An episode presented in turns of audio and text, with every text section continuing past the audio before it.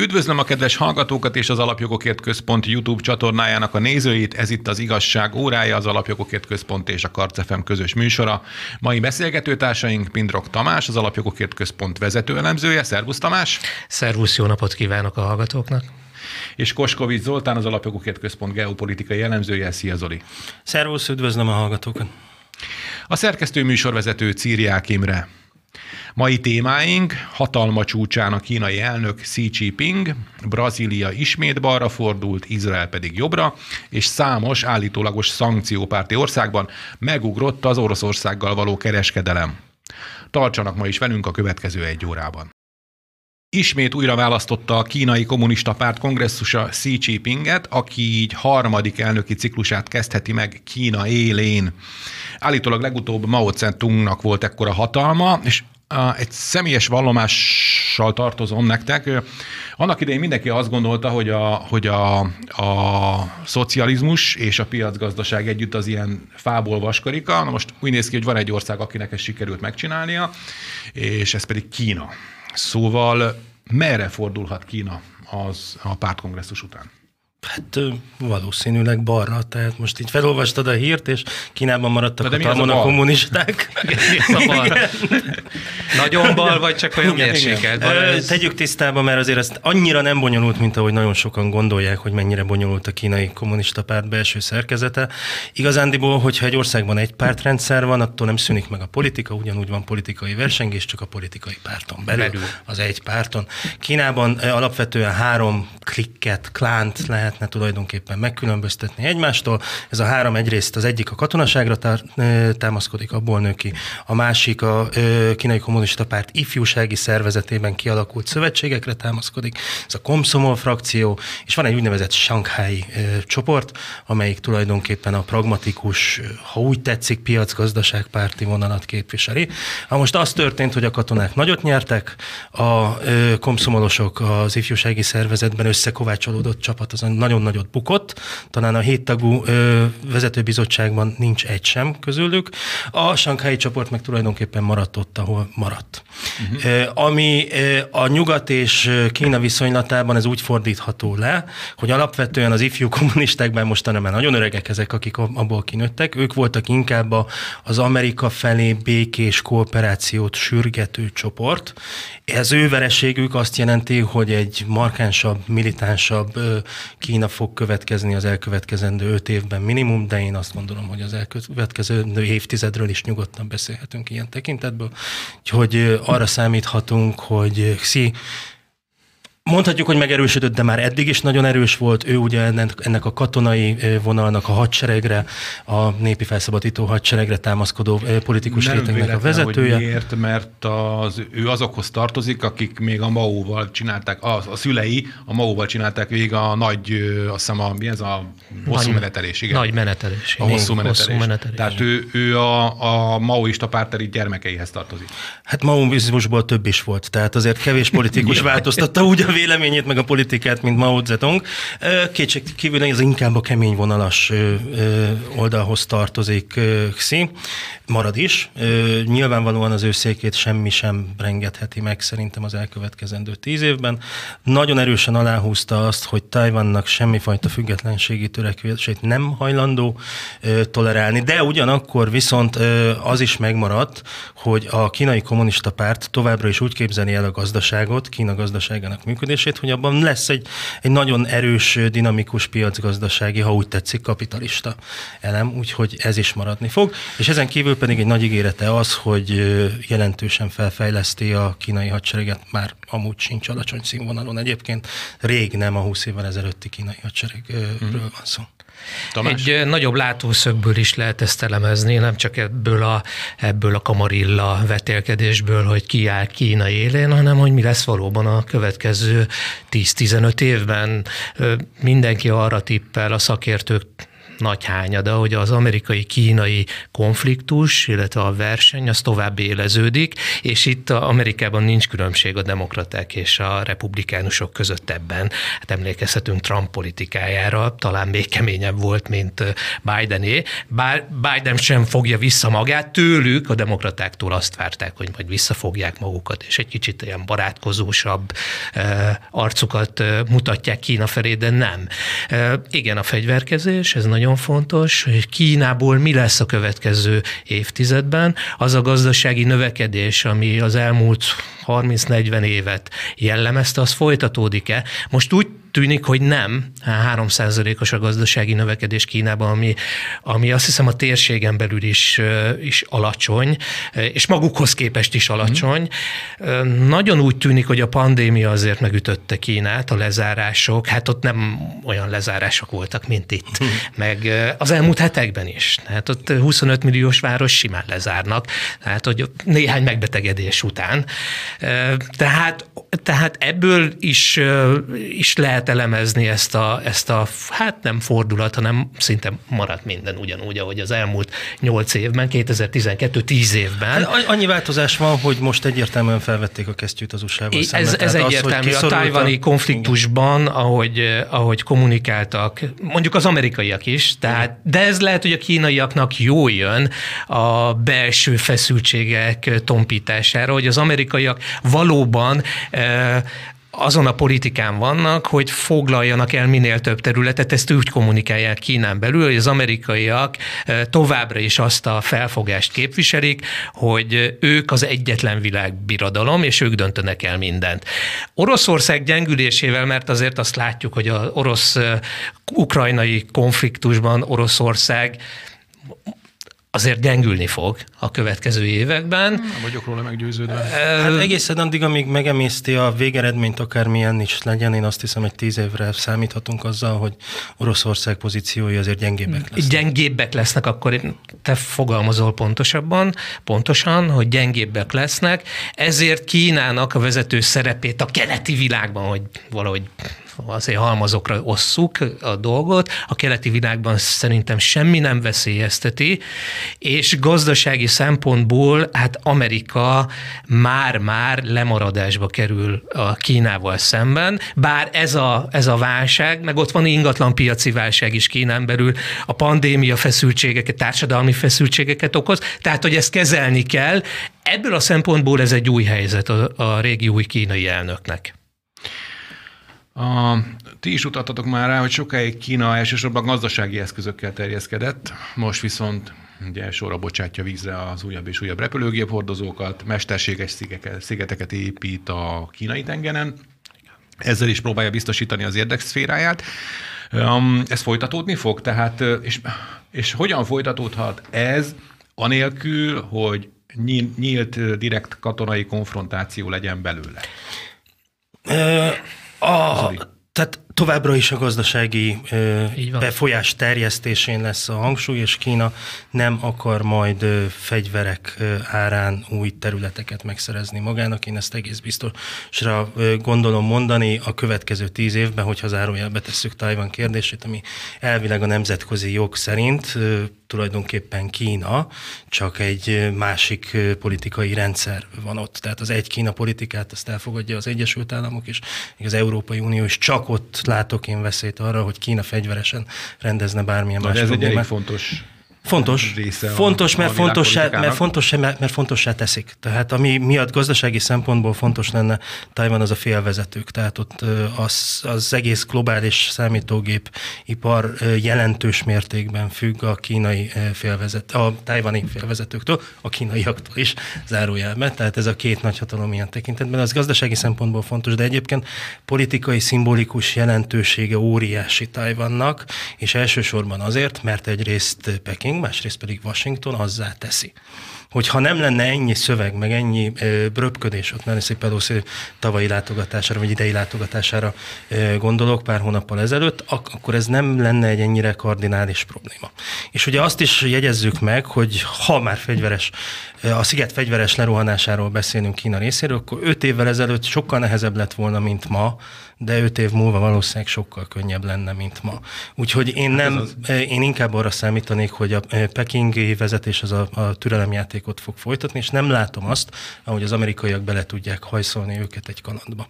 Tehát a, a, a fegyverkezés folytatni fog, modernizálni fogják továbbra is a hadseregüket, ez mind lesz. Én nem számítok egy agresszív, háborús kínai külpolitikára, annál inkább kulturális és gazdasági befolyás kiterjesztésre Peking részéről. Igen, teljesen egyetértünk. Ez a kínai történelemből is adódik. Tehát a, a nagy történelmi gondolkodók szuncétól kezdve lehet sorolni, és a kínai történelem arról szól, hogy fegyveresen nem akartak hódítani.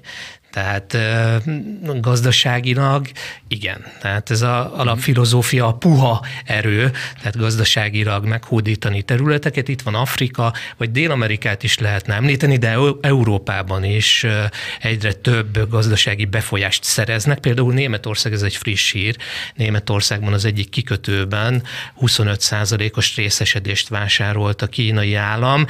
Ugye most megy a német kancellár nem sokára Kínába, és az zöld... is érte a hideget, meg a meleget. Igen, kap is érte támadásokat, és a, a, a, zöld, a zöld külügyminiszter már... nem a, nem a nem tudom milyen alsói kikötőről van szó, hanem ne, a hamburgi, hamburgi kikötőről, kikötőről az egyik legnagyobb európai kikötőről de más kikötőkben is van már kínai hmm. részesedése Európában. Tehát a, a német külügyminiszter már azt is mondta, hogy itt át kell gondolni a, a Németország Kína politikáját, ami egy valójában egy hablaty, mert Németország érdeke is az, hogy üzleteljen Kínával, és üzletelni is fog Kínával biztos, hogy nem katonai konfliktusba nem fog más területekért, most nem Tajvan az, az egy Kína, tehát mm. azt a saját területének tekinti. Arra gondolok, hogy más államokkal biztos, hogy nem fog katonai konfliktusba keveredni Kína. Ez biztos, ez egyértelmű. Ők a gazdasági befolyást fogják növelni Európában is, Afrikában is, és Dél-Amerikában is. Egyik témánk ugye Brazília, ott is elég nagy részesedésekkel, meg piaci tulajdonnal rendelkezik Kína Brazíliában, meg más dél-amerikai országokban is. Még mielőtt Brazíliára átérnénk, Ja, csak egy mellékszár egyébként. Tajvan is úgy gondolja, hogy egy Kína politika létezik, tehát Tajvan is igényt Tajvan, tart Tajvan egész Kínára, sőt, még belső Mongóliára is. A, a, leg, a belső törésvonal, politikai törésvonal éppen az, hogy függetlenségpártiak, illetve demokrácia pártiak csak a kínai civilizáción belül magukat elképzelő politikai mozgalom. Tehát a tajvaniak maguk is ebben a kérdésben erősen megosztottak. Tehát van egy rész, amelyik komolyan szeretne kikiáltani a függetlenséget, mm. nem tette meg még eddig, tehát tulajdonképpen még ők is úgy gondolják, hogy ők a tágabb értelemben vett Kínának a részét képezik. A másik fele a társadalomnak pedig élek gyanúk például, egy kicsit többségben is vannak, akik a béke megőrzése, meg a nyugi miatt inkább azt szeretnék, hogyha maradnak a Tájvan szépen a ma, nagyon nagy fokú önállásságával és saját demokráciával, piacgazdaságával, de azért nem feszegetnék a határokat. Azért Tajvan egy nagyon érdekes kérdés, Mao Zedongot már említetted. Mm. Mao Zedong Chiang Kai-shek, tehát Chiang Kai-shek, akit Mao Zedong legyőzött, legyőzött a szárazföldi Kínában a polgárháború alatt, ők menekültek ugye e, Tajvan szigetére Chiang Kai-shekék, és hát ott sem volt mindig demokrácia. Nem, nem, Chiang. Kai-shek, Kai-shek sem a demokrata zászlóvivő volt, az később alakult ki, viszont a szóval piacgazdaság... volt statárium. Igen, és az amerikaiak támogatták végig Most természetesen. még mindig a legnagyobb politikai pártok Na, az egyik le- legtovább befagyott konfliktus. A tájvani is, meg a korea is. De folytassuk a... Brazíliával. Nem, nem, nem, még egy kicsit Jó. térjünk vissza Kínára. Jó. A, korábban a kínai kommunista párt élén ugye az volt a, a gyakorlat, sőt ezt, ezt írásba is öntötték, hogy két ciklust húzhat ki egy vezető Igen. a különböző vezető pozíciókban, de ezt Xi Jinping megváltoztatta. Akkor most végül is a kamarilla politika eh, hogyan kapcsolódik ehhez? Nyilván saját érdekében tette ezt. Hát, akárki, akár. Nyilván persze Kína érdekében cselekszik, meg minden, de azért az is benne van, hogy Szeretett volna még. Leírva le volt, gyakorlatot azt azért nem mondanám, mert összesen két ilyen kínai pártvezető volt, aki tartotta magát ehhez. Ráadásul ugye Jiang Zeminnek a, az időtartam, amit eltöltött a párt élén, az, az több volt, mint ez a két ciklus, csak valahogy félúton került ő hatalomra. Úgyhogy igazándiból egy olyan kínai vezető volt, most vezették ki szegényt a kínai kommunista pártnak az üléséről, Hu Jintao, aki tényleg betartotta ennek a betűjét is. Hát egy politikai vezető az még nem politikai mm. hagyomány vagy gyakorlat, úgyhogy erről ne beszéljünk, de mindenképpen az látszódik, hogy egy keményebb, autoriter rendszer felé tér vissza Kína, ez, ez szerintem egyértelmű. Amire még érdemes szerintem figyelni az az, hogy emiatt nagyon sokan fogják kritizálni Európában is, meg Amerikában is, főleg ugye Amerika ellenes fordulatról beszélhetünk.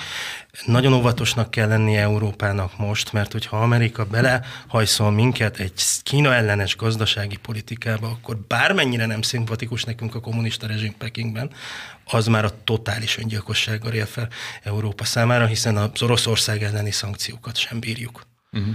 Tehát erre azért nagyon vigyázni kell. Igen, a hidegháború kétpólusú világ ugye a nyugat győzött 90-ben, 89-90-ben, legyőzte a, a keleti blokkot, a mostani keleti blokkot, de, de azért gondolkodjunk el azon, hogy akkor nem volt ilyen globális gazdasági háló a világban. Tehát a kínaiakkal annyira összenőtt már az amerikai gazdaság is, az európai gazdaság is, meg hát az oroszokkal is, hát látjuk, hogy mi folyik az elmúlt egy évben gazdasági fronton, meg energiafronton. Tehát ebből, egy ilyen konfliktusból, egy új hidegháborúból senki nem jön jól ki. Tehát se a keleti blokk, se a nyugati blokk. Kína egyébként még az üzenete a, a régi új főtitkár elnöknek a megválasztásának az, hogy, hogy önellátás. Tehát úgy látszódik, hogy ugyanazt akarja, vagy ugyanaz a törekvés, mint Oroszországban az elmúlt években, hogy minél több dolgot saját maga állítson elő. és ne... Ezt csinálja, csak ugye I... nem csak magának gyárt, hanem a külföldnek is. Tehát a, Igen, de sokkal erőteljesebb része, lesz az ez. nagy része például Kínába készül. De sokkal erőteljesebb lesz. Sok tekintetben szükségük van arra, hogy önállóbbak legyenek egyébként, tehát az űrtechnológiát tekintve a globális pozicionálási rendszer GPS, azt nekik is meg ki, ki kéne építeniük, amiük van, az még jelenleg messze elmarad attól, amit az, akár az oroszok, akár az amerikaiak fel tudnak mutatni. Ez borzasztóan fontos egyébként, mert a precíziós fegyverek jelentős többsége ezzel működik. Tehát enélkül a ö, műhold hálózat nélkül nem tud irányítani az okos rakétáidat. Uh-huh. Úgyhogy itt van még hová fejlődni, és azt, hogy ezeket az iparágokat, a védelmi iparágokat maguk tudják fenntartani, úgyhogy ne lehessen rájuk nyomást gyakorolni külföldről, ott még bőven van munka. Uh-huh. Tehát van. A másik része a történetnek pedig az, hogy nyersanyag tekintetében Kína nem tud önálló lenni. Tehát nyersanyag tekintetében minimum Oroszországra nagyon erősen rászorul.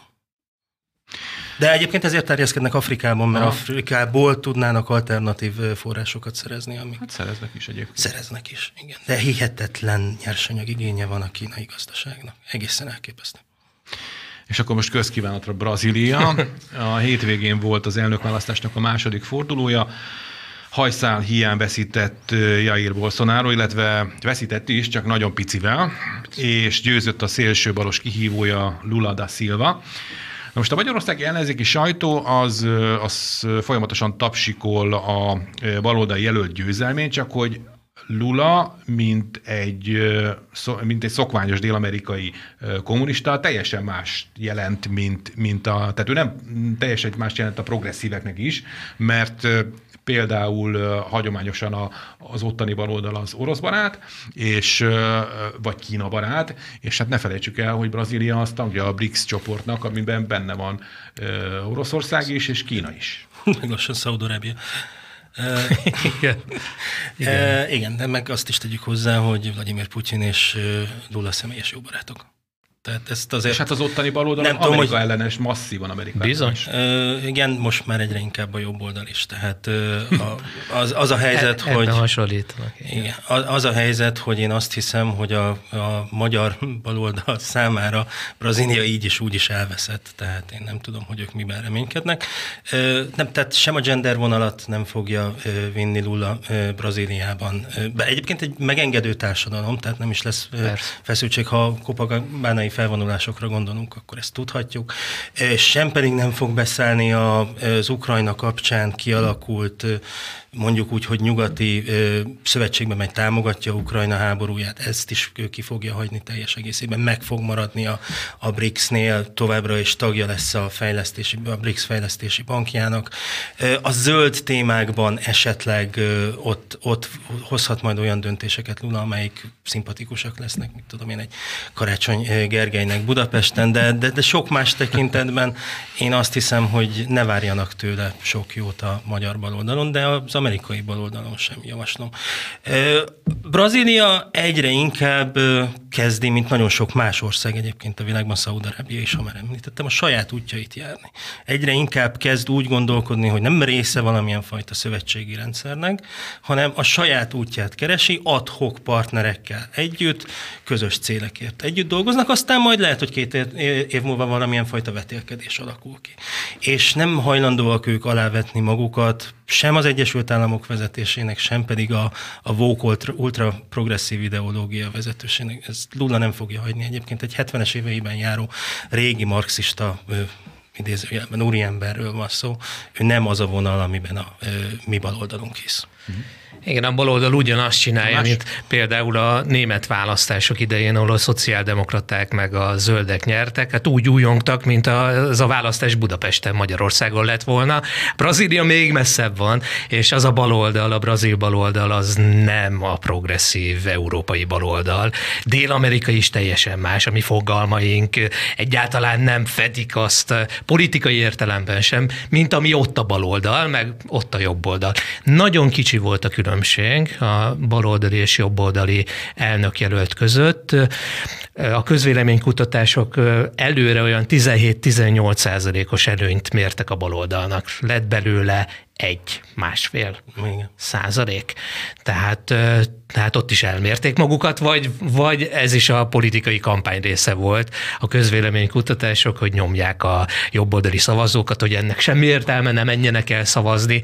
Brazília egy hatalmas ország, és önálló tehát önálló politikai entitássá kezdi kinőni magát az elmúlt 30 évben, és gazdasági entitássá is.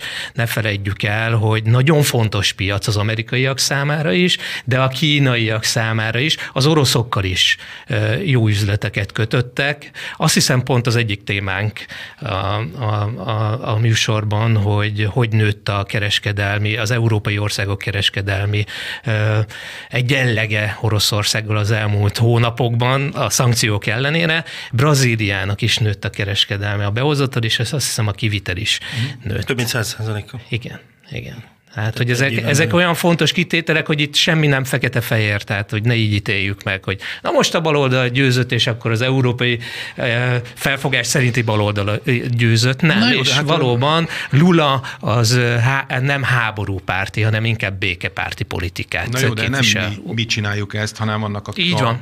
Baloldalon, így hát meg a baloldali sajtóban, akik ilyen fajék egyszerűséggel így, próbálják szemlélni a dolgokat. Így van. Hát, így általában azt se tudják, hogy hány óra, tehát uh, igen. A, volt egy másik választás is Izraelben, a sokadik választás már, a sokadik, sokadik rendkívüli választás. Itt most viszont fordulat következett be, ha jól vettem észre, méghozzá Benjamin Netanyahu újra visszatérhet a hatalomba a különböző a részeredmények, vagy az eredmények hallatán, ha jól veszem ki. Na ezt viszont én azért szeretném a magyar baloldalról alá dörgölni egy picit, hogyha engeditek. Tehát... Ez már jobban hasonlít az Igen. európai Igen. politikára, az izraeli politika. Igen, tehát volt itt ugye április harmadikán, ők nagyon-nagyon reménykedtek abban, hogy majd a szivárvány koalíció az majd le fogja győzni uh, Orbán Viktorékat. Na, nagyon hasonló szivárvány koalíció volt az, amelyik végül is egy egyfős többséggel el tudta távolítani a miniszterelnöki székből Benjamin Netanyahu-t. Olyan sokáig nem bírták azért azt lássuk be.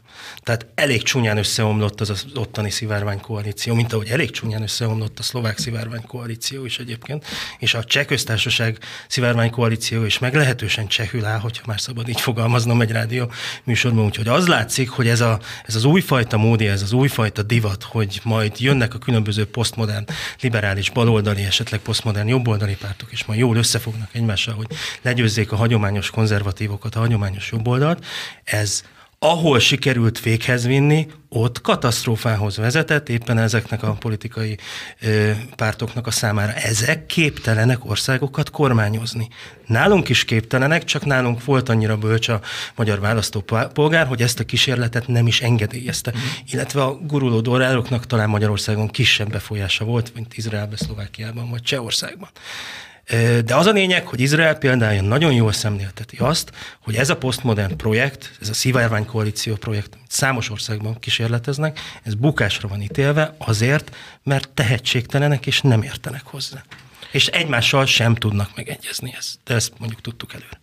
Ezzel szemben Netanyahu egy igazi politikai karakter, ezt most már bátran kijelenthetjük, hogyha mondjuk ne felejtjük el azt el, hogy volt ő már miniszterelnök, és elég stabilan vezette Izraelt. Tehát ez a stabilitás ment el az elmúlt években ezzel a szivárvány koalícióval, amely átvette a hatalmat, végül is le tudta győzni. Az, e, e, hát nem az előző, nem tudom melyik választáson, már nem tudom követni, hogy ez most az utóbbi évek hanyadik választása. Az előző választások után sikerült megállapodni az arabokkal, hogy együtt. Így van, így van, így van. Mondjuk az izraeli berendez, politikai berendezkedés egy maga az instabilitást magában hordozza. Tehát egyfajta ilyen Olaszországgal lehet összehasonlítani, nagyon sok választás volt, de Netanyahu, karakter, Netanyahu karakteres jobboldali politikája az tömegeket tud megmozdítani úgy is, hogy az elmúlt években ellenzékben volt. És így tud szerintem hát azt azért ne jelentsük ki egy biztos parlamenti többséget. A mostani számok azért 4-5 fős. 85%-os feldolgozottság mellett 5 fős vezetése van, ami az, azért ott még egy biztos, De nem, ott azért egy, egy biztos többségnek számít már. Hát hogyha 63 lesz, az is biztos többség Igen. egy 120 Így. fős Knessetben. Így van. Világpolitikai szempontból is fontos Netanyahu mert ő karaktert ad Izraelnek, hát tudjuk, hogy mi folyik Izraelben, de egy puskaporos hordó. Azért nem csak a Balkán, hanem az a térség is, és Netanyahu tudta kezelni ezt, ezeket a feszültségeket, és stabilitást, gazdasági stabilitást és politikai stabilitást is tudott adni az izraelieknek, ami ugyancsak az Izrael azért egy furcsa, furcsa ország. Tehát jó, a, világi... a progresszívek nem szerették, a progresszívek mindent megtettek így, annak így érdekében, hogy megbuktassák mindenféle büntetőügyeket kreáltak el, Bizony. létrehozták ezt a szivárványkoalíciót, ami ugye tényleg ugye kísértetésen hasonlított aztán ez a magyar szivárványkoalíciós próbálkozás arra, ami ugye ott történt, mert itt is próbáltak egy ilyen jobboldalinak nevezett embert előhozni, mint miniszterelnök jelöltet Magyarországon, mert hogy Izraelben sikerült egy magát jobboldalinak valló emberrel megbuktatni Netanyahu-t, aki, akiről úgy gondolták, hogy ugyanaz, mint Netanyahu, csak mégse ő az. A forgatókönyv nagyon hasonló. Az egyértelmű. Netanyahu pártjának az a, embert, igen. A tagja volt az, az, a, az a jobboldali politikus, aki az előző választások után ah, Ez is hagyományos, hogy kiugrálnak a koalícióból, és igen. utána a volt miniszterelnök ellen indultak, azt hiszem Bibi Netanyahu is csinált ilyet, úgyhogy ezt nevessük az izraeli politikusok személyre, mert ez egy nemzeti hagyomány, amit mi megtiszteletben tartunk, ugye konzervatív emberekként. Önök az igazság óráját, a Karcefem és az Alapjogokért Központ közös műsorát hallgatják, rövid szünet után visszajövünk. Ez itt az igazság órája, az Alapjogokért Központ és a Karcefem közös műsora Pindrok Tamással, az Alapjogokért Központ vezető elemzőjével és Koskovics Zoltánnal, az Alapjogokért Központ geopolitikai elemzőjével. Én Círiák Imre vagyok.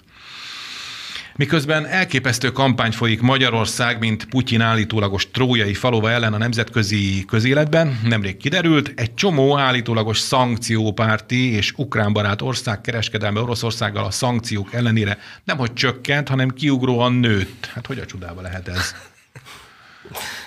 ez pénz beszél. Igen. Tehát, Na de az elvek?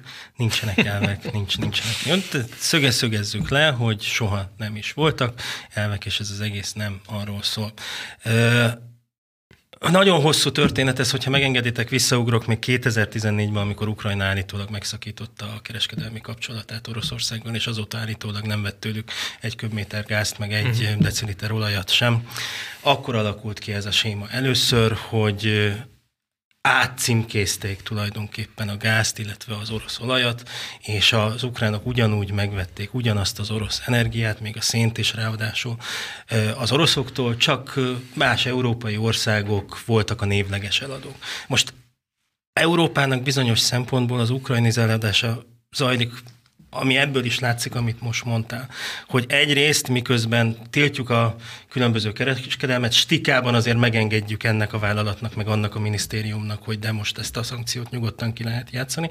Másrésztről meg minden további nélkül vesszük az ö, olajat ö, Oroszországtól, Indián keresztül, a gázt meg Kínán keresztül, addig, amíg a kínaiak el nem zárták egyébként az LNG gázcsapot, mert a kínaiak úgy gondoltak, hogy most már kezdődik a tél, fel kell készülni a kínai gazdaság igényeire, de egészen most október végéig Kínából érkeztek az orosz gázzal megtöltött LNG hajók Európába is, meg Európában, Egyesült Államokban nem, de oda meg ment a nagyobb mennyiségben az Indiából kivitt orosz olaj rengeteg orosz olajat vett az USA Indián keresztül Oroszországtól. Úgyhogy ez az egész egy, egyfajta színjáték, én azt hiszem, és azért kell, hogy ezt a színjátékot csinálják, mert, mert a politikai pószt már felvették, azt levenni nem tudják, azon változtatni nem tudnak, mert akkor buknak politikailag, viszont a gazdasági kényszer az kikényszerít bizonyos dolgokat. Így kikényszeríti azt, hogy Oroszországtól, nem Oroszországtól, de vegyünk orosz gázt, Európa vegyen, eh, vegyen orosz olajat, vegyen orosz alumíniumot, vegyen orosz acélt, az is meg van tiltva állítólag, fogadjunk érkezett azóta orosz acél Európában, Biztos. nem is kis mennyiségben. Ez az álszent európai, brüsszeli politizálás, ami hát itt a számokból derül ki, hogy ez, ez hazugság. Tehát valóban egy politikai póz, amiben egyenesbe vágták magukat, és akkor megfelelni az amerikai igényeknek, miközben az amerikaiak is boldogan üzletelnek az oroszokkal a háttérben. Mi vagyunk ugye a szőnyek szélére állítva, mert hogy a trójai falu, falu ugye ezt mondják Orbán Viktorról, hogy Putyin. Hát nézzük már meg a holland kormánynak az intézkedéseit. A holland kormány mentesítést adhat holland cégeknek az oroszokkal való üzletelésre. Hát így könnyű, persze. Politikailag azt mondani, hogy persze a szankciók azok minél keményebbek legyenek, de közben ugyanazzal a másik kezével meg azt mondja a cégeknek, hogy na jó, akkor ti azért üzletelhettek. És gondolom a legnagyobb holland cégek, azok továbbra is boldogan. Azt hiszem ott is nőtt a Hollandiában nőtt, is 70-75 százalékkal az Oroszországgal való üzleti kapcsolat, meg, meg eladás, meg vevés. De azt hiszem Spanyolország 110 valahány százalékkal. Hát, ha nem is annyival, de ott is nőtt. Ott, ott is nőtt. Én 50 százalék fölötti emlékszem. De ez szabályos, hogy egy, egy, egy országnak a minisztériuma felmentést ad a brüsszeli szankciókkal, és akkor ilyen, mit csinál ilyenkor von der Leyen, meg, meg Timmermans, meg Vera Jurova? Szerintem, nem tudom, lehet, hogy a vakcina beszerzésekről egyeztetnek megint. SMS-ben? SMS-ben. SMS-ben. Az biztos, hogy nem néznek oda. Tehát, de a legnagyobb baj ebben az egészben, hogy van ez a póz, ugye, de ez ettől függetlenül rosszat tesz az európai gazdaságnak, mert megijesztik a piacokat például össze-vissza ugrálnak az energiahordozók piacain, de nem is csak az energiahordozóknak egyébként, hanem az összes fontos nyersanyagnak az ára az, minden. az tehát ezért most van infláció. Instabil. Igen, ezért is. ezért is van. Ez jelentős mértékben hozzájárul az inflációhoz, a, még az élelmiszerár fog nagyon hozzájárulni az inflációhoz hamarosan sajnos. Ott viszont tényleg lehet, hogy nem fogjuk tudni majd behozni kellő mennyiségben a különböző élelmiszeréket ahhoz, hogy, hogy, hogy elegendő legyen ahhoz, hogy ne generáljon plusz inflációt. Éhezni Európa nem fog de lehet, hogy az élelmiszerek sajnos feljebb mennek. Érdekesség egyébként, hogy itt felsoroltunk több európai országot, Hollandia, Belgium, Spanyolország, ez mind ide tartozik, azt hiszem a skandináv országok közül is többen.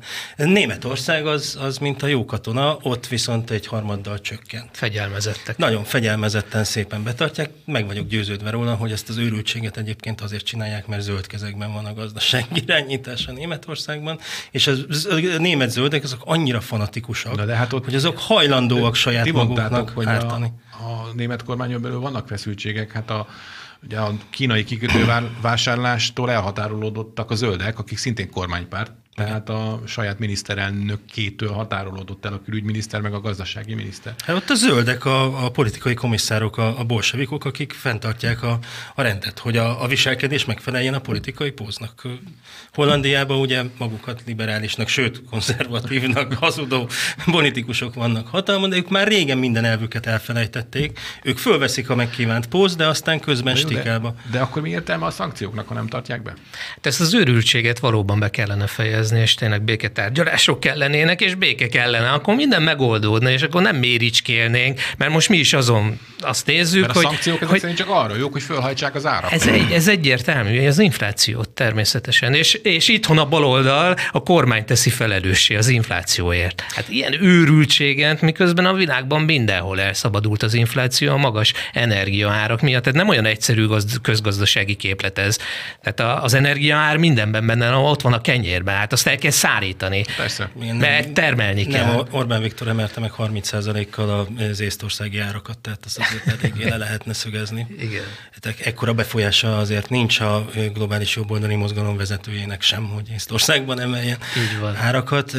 Vannak azért szankciók, amelyek észszerűek, tehát azért sose fessünk ilyen széles ecsettel, hogy az amerikaiak mondanak. Tehát én továbbra is azt mondom, hogy a fejlett európai technológiák kivételére vonatkozó szankcióknak van értelmük, csak azoknak a szankcióknak nincs, amelyek olyan orosz nyersanyagok, áruknak a világpiacra eljutását akadályozzák, amelyek jelentősen hozzájárulnak az egyre durvuló globális inflációhoz. Tehát ezt már fel kéne tudni dolgozni, hogy van a szankcióknak egy jelentős csoportja, amelyet ha nem akarjuk azt, hogy a nyugati gazdasági jólét megrendüljön, akkor azokat nagyon újra kell gondolni, és nagyon olyan irányba kell újra gondolni, hogy ezek a energiahordozók, meg más nyersanyagok, ezek kellő mennyiségben jussanak el a világpiacra. Nem kötelező, hogy orosz legyen, de kellő mennyiségben.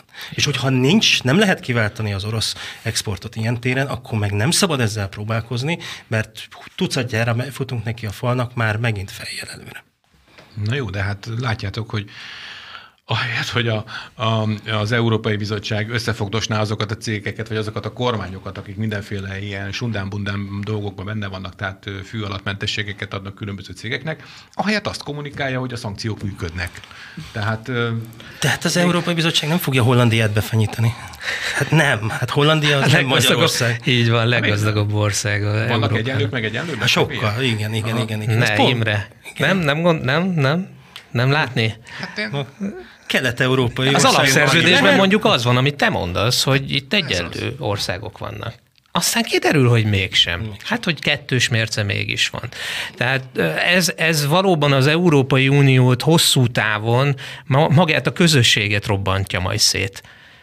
Nem csak ez a válság, ez, ez nagy lépés Hát egyébként. meg az, hogy most már az írásos ígéreteiket sem tartják be, csak hogyha Magyarország meg az Európai Bizottság közötti tárgyalásokra egy pillanatra utal. Igen. Tehát írásban adott ígéreteket nem tartanak most már be. Tehát nem ilyen körülmények lengyelekkel között- szemben sem. Lengyelekkel. Lengy- lengyelekkel szemben sem. Szóval igen, tehát úgy, nagyon úgy tűnik, hogy a föderális eurokraták Brüsszelben azok az állatfarmot azt nem antiutópiának tekintik, hanem használati útmutató. kötelező olvasmány náluk, Az igen? igen. mindenki. De az remélem mindenhol az megy, csak a megfelelő tanulságokat kéne leszűrni belőle, nem azt, hogy ja, így kell csinálni? Nem, nem úgy kell csinálni, hogy az állatfarmban van meg az 1848 Az oroszok járnak 84-ben. jól. Hát ez az egész azt mutatja, hogy nő a, a kivitelük, hát az a, nő az ország gazdasági bevétele. Most érdekes módon most nincs az a kommunikáció, hogy ezek szerint Spanyolország támogatja orosz háborús politikát, a fegyvereket, hogy vásároljon és vesznek. Hollandia, Belgium. Belgium. Igen. Hát emberek, hát Be, mi van itt? belga eurókból vesznek iráni drónokat az oroszok. Igen. Én el tudnám képzelni ezt a... Belga eurókból vesznek iráni drónokat az oroszok. El tudnám képzelni ezt a címet egyébként, csak valahogy a kedves baloldali progresszív sajtó ezt nem érzi úgy, hogy egy ilyesmit le kéne írnia. És egyébként és tényleg, tehát az orosz gazdaság majd meglátjuk, hogy fog, hogy fog tudni teljesíteni jövőre. Tehát én azért még mindig látom annak az esélyét, hogy lesznek súlyosabb gazdasági nehézségeik, de két hete mondta Vladimir Putyin azt, Putyin mondta, hogy a legnagyobb nehézségeket, azokat most éri át az orosz gazdaság, most van a csúcson, most van az, amikor az adaptáció befejeződik, és innen elvileg nekik fölfelé fog vezetni az út. Hát eddig se vezetett lefelé, ahogy én ezt látom. Ez a... És még, még egy apróság, ez, aztán visszaadom a szót. Náluk viszont antiinflációs hatás van, deflációs bizony, hatás bizony, van. Bizony. Az, hát a papíron 13% os lesz, vagy 12,5 lesz az infláció év végén, de márciusban 16% os volt. Tehát március tehát óta lejjebb ment a és nincsen munkanélküliség. Az elmúlt három hónapban defláció volt, és egyébként a 13% lesz az infláció, de valami 20 valamennyit vártak. Hát igen. Tehát a, az igen. évelei előrejelzése az orosz nemzeti banknak 20 valamennyi volt, és ezen csökkentettek pont a rubel erős. Még az oroszok is meglepődtek egyébként. Persze. Egyébként a defláció nem biztos, hogy jó nem, is. a hosszú távon. Tehát ezért mondom, hogy azért várjuk ki, hogy jövőre mi történik az orosz gazdaságban, de hogy egyenlőre nem érte őket komolyabb megrázkódtatás, azt, azt el kell mondani. Talán a járműipar, de ott is az Economist-be olvastam egy cikket a valamelyik múlt héten vagy az előtt, hogy ott is kisebbek a negatív hatások a vártnál. Ott nagy visszaesés volt. Mm, hát de... le, leállt lényegében több hónapra Igen. az orosz autógyártás, aztán nagy nehezen újraindították a sajátjukat, és most arra fókuszálnak, hogy hozzák be a különböző kínai, koreai, sőt iráni autókat egyébként. Állítólag az hát irániaknak egész jó kis autók. Meg alkatrészeket is tudnak máshogy és, és tegyük hozzá, hogy se munkanélküliség, amire előbb céloztunk, meg mondtunk, nincsen munkanélküliség, és az energiárak azok stabilak nem magasak az energiaárak. Az a lakossági. most milyenek az energiaárak, hát, lakossági árak? Picivel, picivel magasabbak, mint Oroszországban. A többszörös. Hát nem is lehet magas Oroszországban, hiszen ott van. Tehát, hogy, hogy nem és... kell elszállítani, ott van maguknál, és ez az önellátás, amit most már beszéltünk Kínával kapcsolatban is, hogy az orosz politika, Putyin, ez felkészült erre a dologra, és biztos, hogy számolgattak már az elmúlt években is, hogy milyen hatása lesz egy ilyen támadásnak, milyen gazdasági hatása lehet szankcióknak. Gondoltak szankciókra ők is, tehát Moszkvában is gondolkodó emberek vannak, az látszódik, és az a politika, amit 14 után, de már lehet, hogy előtte is elkezdték megalapozni, az úgy látszik a mostani számokból, hogy hatékony. Nincsen társadalmi feszültség. Hogyha a gazdaság bezuhanna, és ha a munkanélküliség nőne, akkor bizony 90 utáni társadalmi feszültség alakulhatna ki Oroszországban, de nincs ilyen. Hát sokan elhagyták az országot, de az, hogy ők elmennek az országból, és nem belülről próbálják megváltoztatni, az bizonyítja azt egyébként, hogy egy, egy jelentős kisebbségről van szó, hogy több százezer ember hagyta el egyébként Oroszországot az elmúlt nyolc hónapban, de a több százezer az nagyon távol van attól, hogy egetrengető változtatásokat tudott volna létrehozni egy 142-143 milliós országban.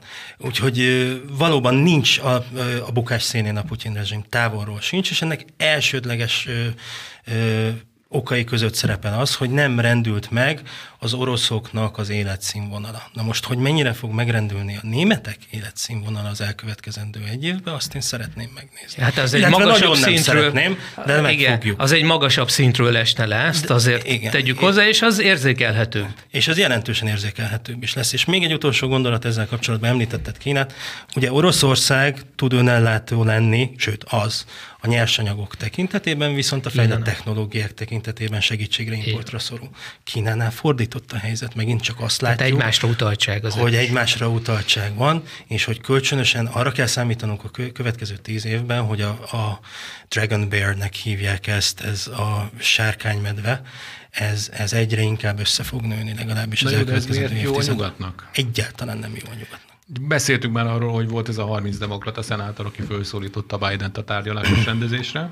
Aztán visszamondták a levelet, de ezt kiszivárogtatták, és Nyilván most, nyilván, most azt került nyilvánosságra, volt egy másik szivárogtatás, hogy a Biden visszaszólt az Zelenszkinek még valamikor a nyáron, amikor a Zelenszki szokásához híven nagyon követelőzően lépett föl. Ezek jelek a november 8-án van ugye a választás, és ott már a kampány. Jövő héten pont utána leszünk. Ez mind, mind mondanak. Jövő héten pont utána leszünk a november 8-as választás. Igen, igen, igen. Tehát, hogy ezek fontos üzenetek a belpolitikának a helyi választások miatt, időközi választások miatt.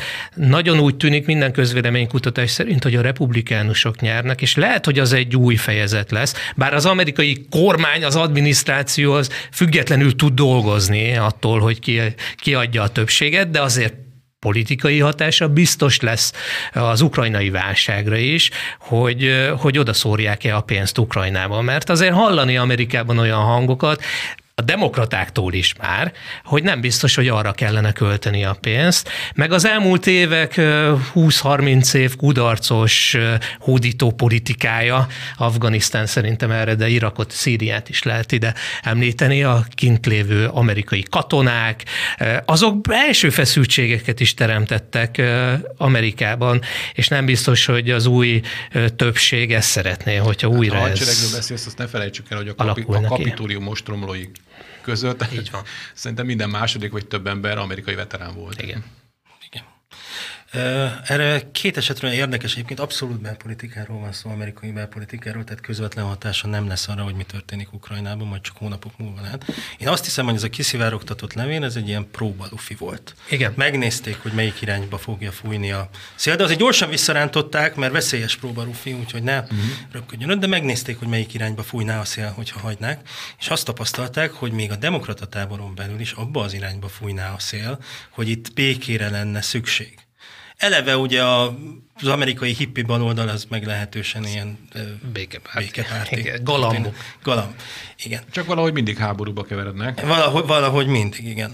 És akkor erre rá hát három-négy nappal jött ez a másik kiszivárogtatás, mely szerint Biden nagyon mérges volt Zelenszkére, szintén a e, nyári hónapokban. Ez már szerintem itt rájátszanak a demokraták arra, arra az érzésre, hogy a demokrata szavazóknak egy jelentős része nem gondolja úgy, hogy minden áron támogatni kéne sem Ukrajnát, sem Zelenszkit. És azt meg egyébként szögezzük le, hogy lehet megpróbálni az amerikaiakat fanatizálni. Gyakran sikerül is. Csak amikor sikerül, akkor valami olyasmi, ami otthoni téma.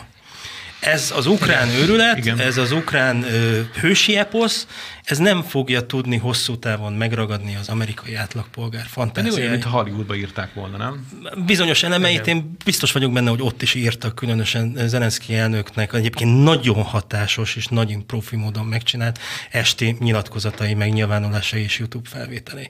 De tehát a politikának része az, hogy a vizuális tartalom az olyan legyen, amilyen, és Zelenszkijék egészen kiválóan csinálják, csak én nem gondolom, hogy nekünk meg úgy kéne tenni, mintha nem látnánk azt, hogy emögött komoly profi PR marketing és filmes munka van. Amikor a farok csóválja a kutyát, ez jutott eszembe ez a film a 90-es Igen. évekből, Dusty Hoffman főszereplésével, ott Albánia volt a kísérleti terep, Igen. ahol eljátszottak egy, egy álháborút az amerikai belpolitikának. Igen, tehát a Zelenszkinek a karaktere, aki valójában ugye egy színész, színész volt, hát hogy milyen az élet, ez abszurd. Egy színészként került Ukrajna élére, és, és úgy látszik, hogy alakít is, Lula is, az új brazil elnök is erről beszélt, hogy, hogy ő a tévének szerepel ezek szerint, tehát régen tárgyalóasztalnál lenne a helye a brazil baloldali elnök ezt mondja. Ez egy hollywoodi hőseposz, csak a valóságban játszódik, és ez a mi bőrünkre is megy, ez a szomorú az egészben. Tehát itt megoldást kell keresni, és valóban az inflációra is az a megoldás, hogyha béke lenne meg a szankcióknak vége lenne. Hát reméljük, hogy erre halad majd, és befolyásolja majd a kongresszusi választás is ezt. Nagyon tömörem, hogy világos legyen. Azért van infláció, mert kellő mennyiségben az alapvető termékek nem jutnak ki a globális piacra. A háború miatt és a szankciók miatt nem jutnak ki. A szankciós politikának a erre vonatkozó részét és a háborút be kell fejezni ahhoz, hogy bárki bárhol maga alá tudja gyűrni az inflációt. Illetve hosszú távon sajnos van az a forgatókönyv is, hogy olyan alacsonyra süllyed az életszínvonal, hogy nem lesz a fizetőképes kereslet, de ne várjuk ezt meg. Bizony. Ne várjuk meg hanem üljenek le szépen a tárgyalóasztalhoz, Zelenszky meg az oroszok, és, de inkább pedig Bidenék meg Putyinék, és állapodjanak meg arról, hogy hogyan lesz ennek vége. Hát igen, és akkor megvalósulna a zöldek nagy álma a deindustrializáció. Ez ettől félek egyébként, igen. hogy a német zöldek konkrétan erre játszanak. Igen. Én ettől félek. Ennyi fért ma az igazság órájába, az Alapjogokért Központ és a Karcefem közös műsorába, Pindrok Tamásnak, az Alapjogokért Központ vezető elemzőjének, és Koskovics Zoltánnak, az Alapjogokért Központ geopolitikai elemzőjének köszönjük a mai beszélgetést. Köszönjük. Köszönjük szépen. Megköszöni a figyelmüket a szerkesztő műsorvezető Círiák Imre is. Az adás elkészítésében Kancler Csaba és Német Gábor kollégám működött közre. Köszönjük nekik a segítséget, és várjuk Önöket egy hét múlva a viszonthallásra, a viszontlátásra.